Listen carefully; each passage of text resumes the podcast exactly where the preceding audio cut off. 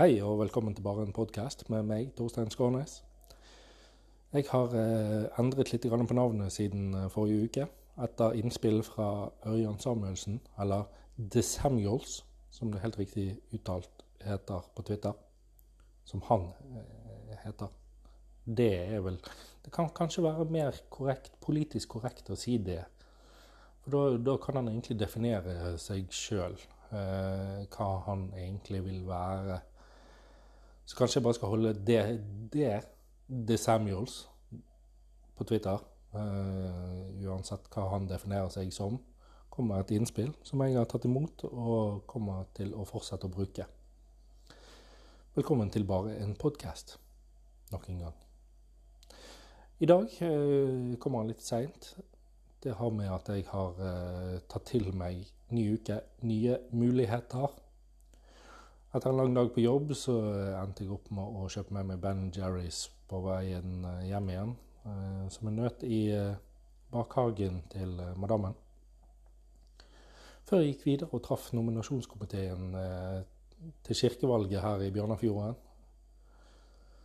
Skal da kjempe om en plass i soknerådet den 9.9. I tillegg til at jeg står på listen til Bjørnafjorden Frp. Det er altså ikke to motsetninger eller to motstridende roller. Det kan jo selvfølgelig være at det dukker opp eh, en habilitetssak på et eller annet tidspunkt, eh, hvis det skulle være snakk om eh, bevilgninger av et eller annet slag. Men i utgangspunktet så er dette to vidt forskjellige organer. Så det blir jo veldig interessant. Det var ingen av de som var der fra før i eh, nominasjonskomiteen som jeg hadde truffet eller snakket med eller visste hvem var.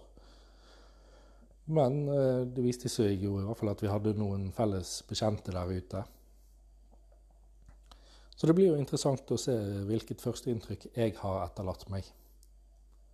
Jeg eh, prøver nå alltid å være meg sjøl, så får vi se hvordan det mottas.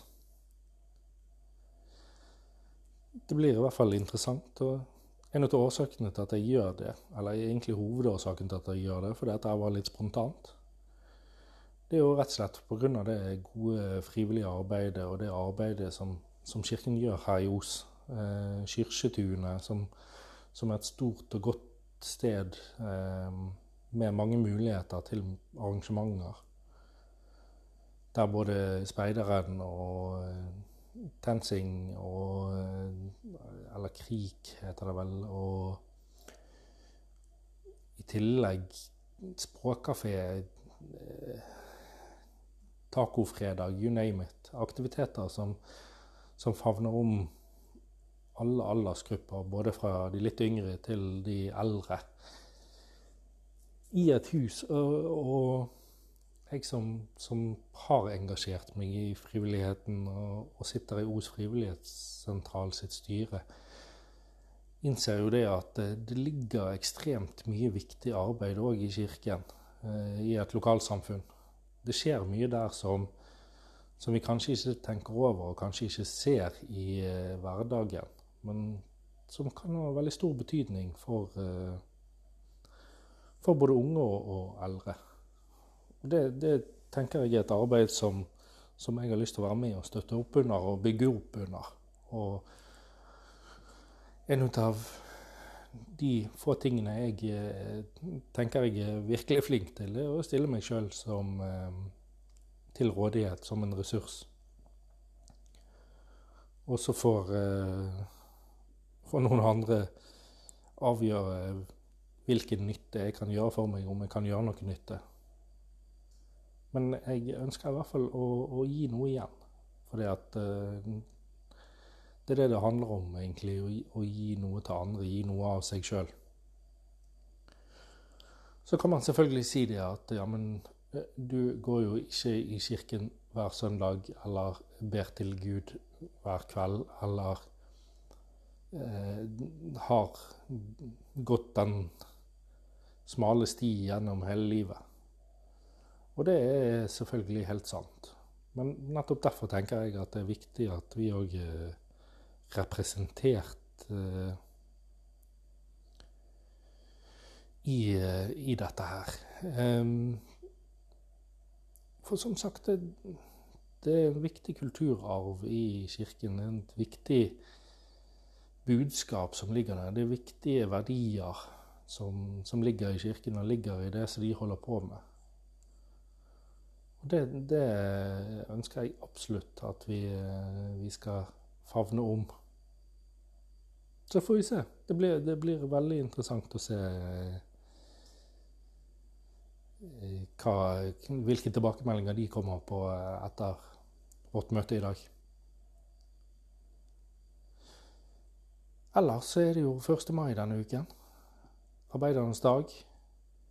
Jeg har da tenkt å eh, benytte dagen kanskje til litt trening. Rydde og vaske litt hjemme. Og ikke minst eh, få meg en liten fjelltur. Og lade opp til eh, torsdagen, som da selvfølgelig kommer til å bli en eh, svært hektisk dag etter ferieavvikling. For det er jo Ja. Det er jo det det er. Det er en feriedag eh, midt i uken som egentlig skaper mer trøbbel enn eh, noe annet på jobben, fordi at det blir mye mer hektisk dagene før dagene etter.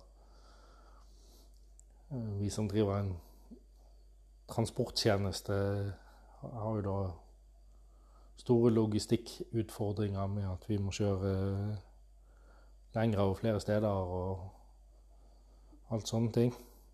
Men, men selvfølgelig det, det er viktig å støtte opp under det som arbeiderbevegelsen har bygget opp.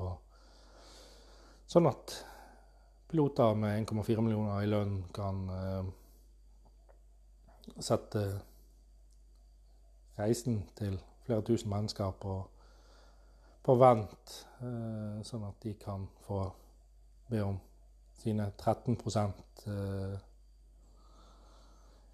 i sikkert velfortjent lønn på toppen ut av millionlønnen sin for uh, ugunstig arbeidstid. Det, det, det, er vanskelig for oss på høyresiden å sitte helt stille i båten på, på, i forbindelse med en sånn dag. Nettopp fordi at man tror at uten uh, arbeiderbevegelsen ville det absolutt ikke vært uh, et sånt samfunn som vi lever i i dag. Noe som er litt interessant, for det var jo tross alt det borgerlige partiet Venstre som i sin tid fikk gjennomført åttetimersdagen. Fikk eh, satt i gang parlamentarismen. Du har fellesskolen. Ja, svært mange eh, sosiale reformer som ble iverksatt av det som i dag kanskje anses som hovedfienden til eh, arbeiderbevegelsen, nemlig Norges eldste parti, Venstre. Og eh, selv om jeg, som jeg sier flere ganger og gjentar gjerne, ikke er Ayn Rand-entusiast, så er det, viktig med et fritt marked og Selvfølgelig må vi ha reguleringer for at eh, vi skal sikre rettigheter både til eh, de som tar risikoen med kapitalen, og de som jobber i bedrifter. Men så har jeg da falt ned på det standpunktet at jeg selvfølgelig ser arbeidet, mer arbeidet med å investere kapital og risikoen som ligger bak arbeidet du må gjøre for å gjøre en bedrift lønnsom. Og fremdeles er jeg veldig nysgjerrig på hvordan Bjørnar Moxnes og Audun Lysbakken hadde klart seg som bedriftsledere. Om det hadde vært én uke de hadde klart å holde bedriften under konkurs, eller to, det er jo selvfølgelig et eh, spørsmål om hvor mye monopolpenger de får lov til å begynne med, tenker jeg. Det blir en liten eh, kort en i dag. Jeg eh, regner med at jeg har klart å provosere litt. Så ønsker jeg deg en riktig god kveld.